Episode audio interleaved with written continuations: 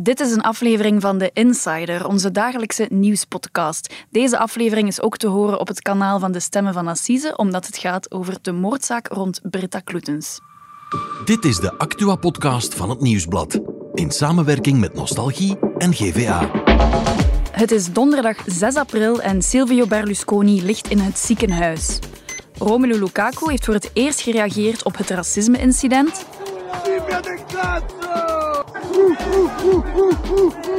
En ons leger gaat trainen in het Weinigem Shoppingcenter.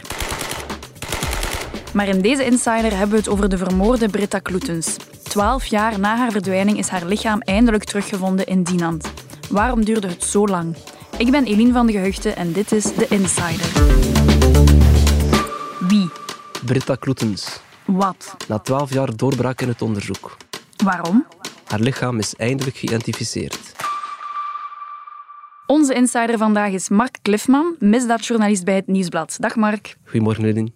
Mark, we gaan het vandaag hebben over Britta Kloetens. Een naam die bij velen nog een belletje doet rinkelen, maar vandaag staat ze ook effectief opnieuw in al onze kranten. Absoluut.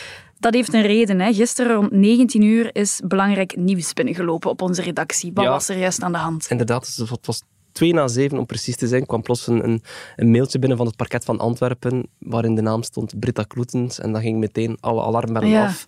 Omdat we weten, ja, het lichaam van Britta Kloetens is al twaalf jaar spoorloos en plots zei het parket dus dat er een doorbraak was, dat het lichaam is teruggevonden. Dus dat was meteen breaking news. Ja, na al die tijd. na die maar tijd. ehm, Mark, misschien eerst voor onze luisteraars, wie is Britta juist? Wel, Britta, dat was een, dat was een, ja, een jonge vrouw uit, uit Wilrijk afkomstig. Ehm, zij werkte destijds als kantoorbediende bij de AXA Bank. En ja, ze was amper 25 jaar toen ze verdween, toen ze vermoord werd. Ja, een heel jonge vrouw hè, uit het Ja. Antwerpse. Op welke manier is, is ja, zij verdwenen of hoe zijn we te weten gekomen wat er juist aan de hand was? Alles gaat eigenlijk terug naar een bezoekje van haar eh, in een autogarage, in, een, in de Honda-garage in Wilrijk. Ze werd daar het laatst gezien. En dat is inderdaad, dus, zoals we zeiden, dus bijna 12 jaar geleden. Het was op paaszaterdag 23 april 2011. Ja. Ging ze daar naar die Honda-garage op zoek ja, naar een nieuwe wagen. Ze was geïnteresseerd in een nieuwe wagen. Maar ja, goed, al snel bleek dus dat ze die garage nooit meer ja, levend zou buitenstappen. Oké, ja, dus sinds dan is zij spoorloos verdwenen. Mhm. Eh, hoe is dan uiteindelijk duidelijk geworden dat we het ook effectief over moord hebben? Maar natuurlijk omdat er al snel sprake was van een verdachte. Hè, dus ehm, ja, aangezien ze daar eigenlijk niet meer levend buiten kwam, moest er wel iemand bij de garage betrokken zijn. Ja, en die speurders zijn meteen naar die garage gegaan. Uiteraard. wellicht. En dan hebben ze, eh, hebben ze vastgesteld dat daar een verkoper werkte met wie ze het laatste contact zou hebben. En die man die heet Tijl Tekmans. Dat is een man van 41 nu, afkomstig uit Duffel. En hij werkte dus als verkoper bij die garage. En hij, ja, hij kwam natuurlijk in, in het vizier van de speurders, omdat hij ja, eh, haar als laatste ja, Ja. levend gezien heeft. Hij moest een auto verkopen aan Ja, Britta eigenlijk. ja, Oké. Ja, dus, dus die tijl die is opgepakt en ondervraagd meteen? Ja, maar tijdens dat eerste verhoor, dat is wel ja, toch redelijk opvallend, bleef die enorm op de vlakte. Zij zei van, ja, oké, ja, er is inderdaad een vrouw bij mij geweest die geïnteresseerd was in het kopen van een wagen. Eh, maar ja, die vrouw is dan vertrokken en ja, kijk, ik heb haar daarna niet meer teruggezien. Ja, een, een klassieke uitleg eigenlijk. Klassieke eh, uitleg, ja. ja. Maar dat was wel zeer frappant.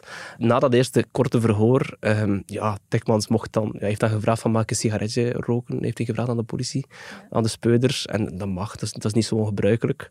Eh, maar toen is hij wel zeer nerveus beginnen worden. Is beginnen stotteren. En hij vroeg de speuders van, ja, kan je eigenlijk zoiets, iemand vermoorden dus, kan je dat eigenlijk zomaar doen?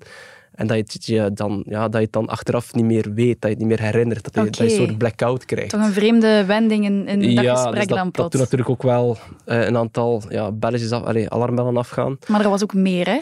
Ja, absoluut. Want ja, er is natuurlijk ook een heel groot sporenonderzoek geweest in de garage, in die wagen.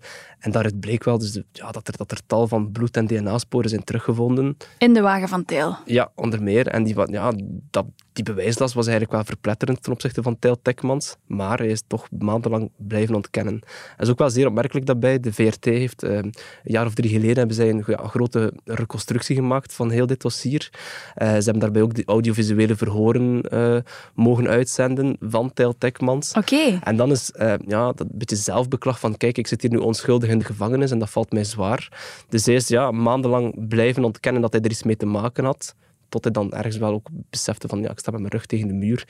En heeft hij toegegeven, kijk, ja, het klopt, ik heb Britta gedood. Ik weet alleen niet meer waar ze ligt. Ja, dat maakte die zaak destijds ook extra opvallend, want er was wel een moordenaar, maar nog steeds geen lichaam. Hè? Nee, en dat heeft dus bijzonder lang geduurd.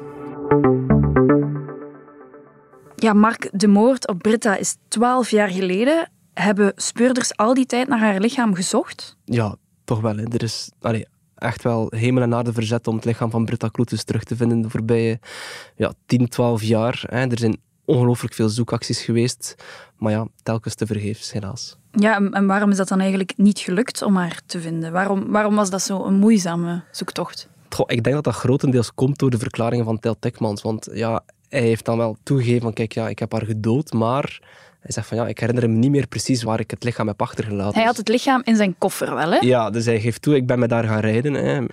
En op een gegeven moment spreekt hij over de Ardennen, dat hij haar daar zou achtergelaten hebben. Maar doorheen die jaren is hij daar ook gaan zoeken. Uh, hij is ook meegeweest met de speuder om aan te tonen waar het dan moest zijn.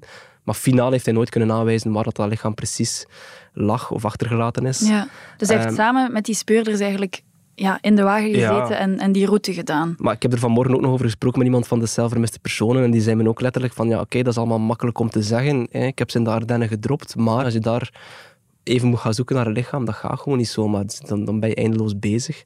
Want hij kon zich niet herinneren waar De exacte exact. locatie niet. Ja. Dus dat was eigenlijk ja, zoeken als een altijd een hooiberg. En men heeft dat geprobeerd, tien jaar lang, twaalf jaar lang, maar uiteindelijk is dat nooit gelukt. Oké, okay. Mark, ik herinner mij ook, een van onze collega's, Cedric, die is ook eens mee gaan zoeken. Hè? Ja, collega Cedric Legast is, ik denk dat het uh, zes jaar na de moord op Britta was, dat, uh, dat hij ook is meegeweest met zo'n met zo'n zoekactie.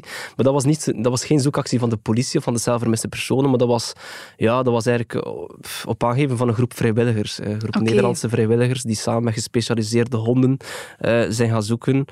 In de hoop dat zij dan toch nog het mysterie konden ophelderen. Ja. Maar ook dat was uh, tevergeefs. Ja, er was dus geen lichaam, maar er is wel een proces gekomen, hè?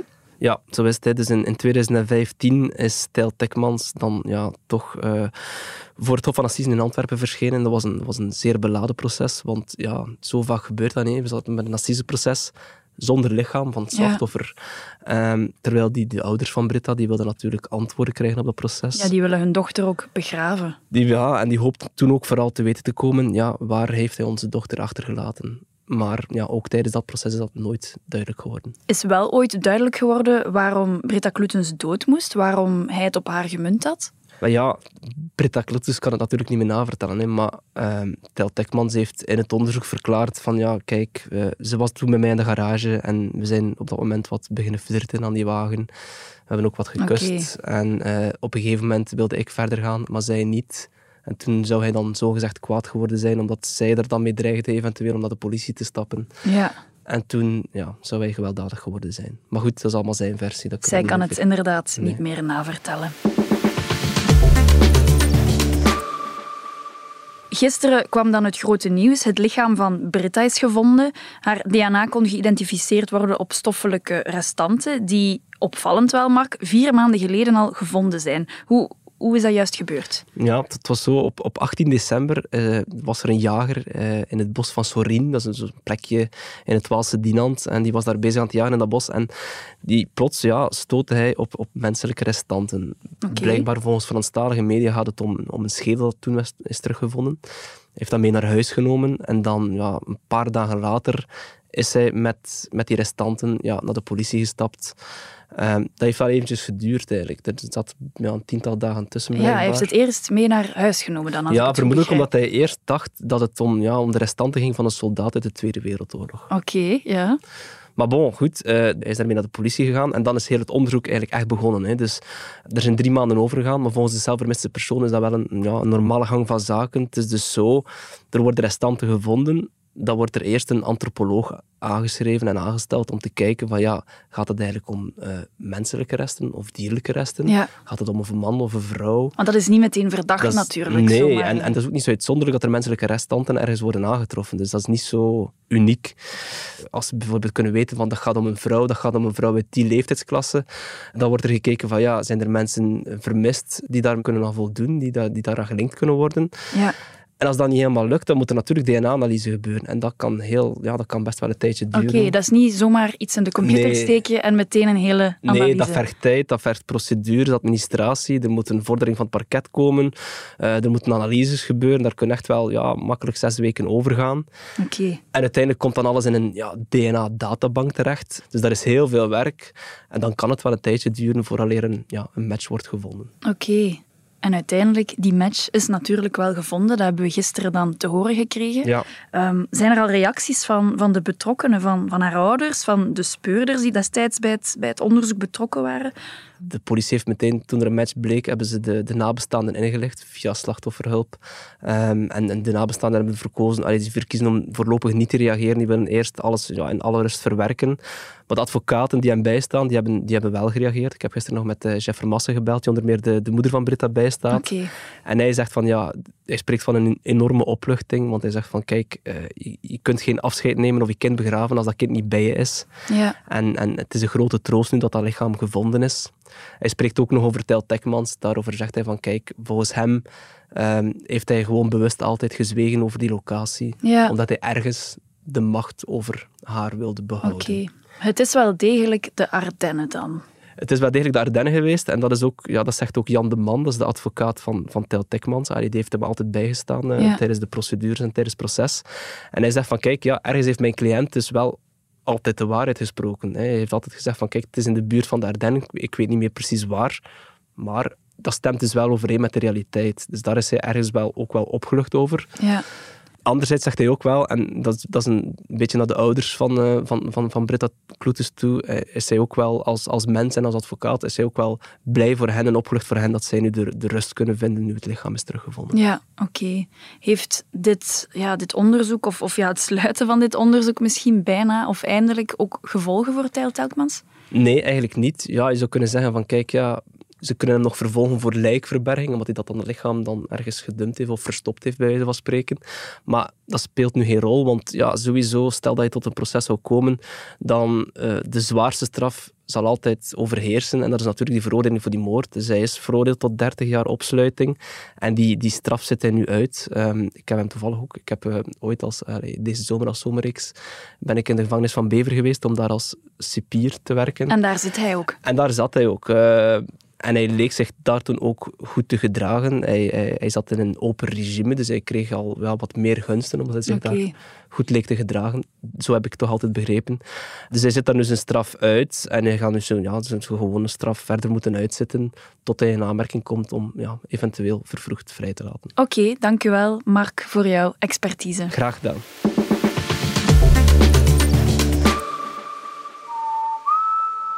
Tradities en gewoontes, anders maar ook niet. Zolang dat je het maar viert met wie dat je garen ziet.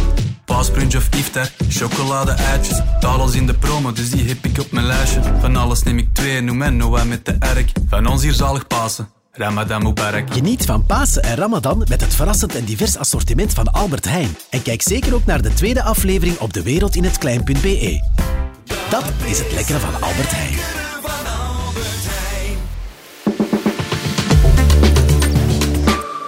Over naar het andere nieuws van vandaag met producer Bert. Dag Bert. Dag Eline.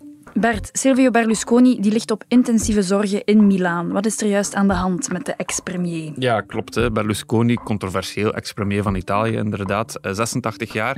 En die is gisteravond opgenomen op intensieve zorgen met hart- en ademhalingsproblemen in het ziekenhuis in Milaan. Maar Corriere della Sera, Italiaanse krant, schrijft vandaag dat dat het gevolg is van leukemie. Oké, kanker dus. Ja, kanker inderdaad. En dat is ook bevestigd door eh, bronnen dicht bij Berlusconi. Zijn toestand zou momenteel wel nog stabiel zijn. Ander nieuws uit Italië is Romelu Lukaku, want die staat ook in de kranten vandaag daar. Hè? Ja, ja, ja, zelfs in het groot op de voorpagina van de Gazzetta dello Sport, de roze legendarische krant van Italië, als symbool tegen racisme. eh, want ehm, Er is iets deze- gebeurd, hè? Ja, Ja. deze week was er een wedstrijd tussen Inter Milaan, club van Lukaku, en Juventus. Zoals wel vaker bij Lukaku waren er oerwoudgeluiden, werd hij uitgescholden door mensen in het publiek.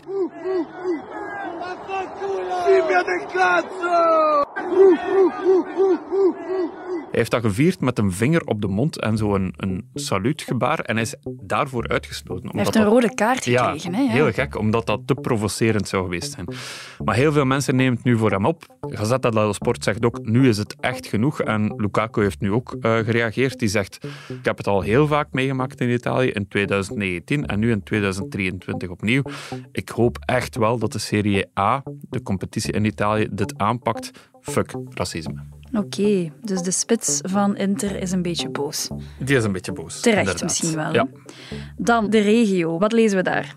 Ja, het leger gaat oefenen en deze keer niet op zo een of ander terrein in Hechtel Excel waar ook wolven zitten, maar in het Weinigem Shopping Center. Wat gaan ze daar doen?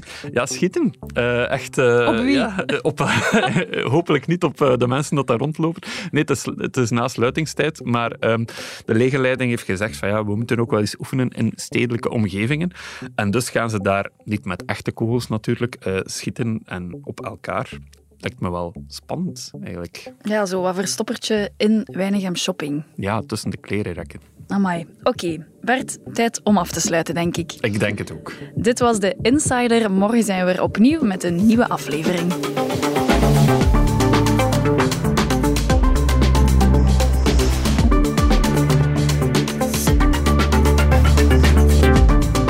Dit was The Insider, een podcast van het Nieuwsblad in samenwerking met Nostalgie en GVA. De muziek is van Pieter Santens. De montage gebeurde door House of Media. Wil je reageren? Mail naar podcast.nieuwsblad.be.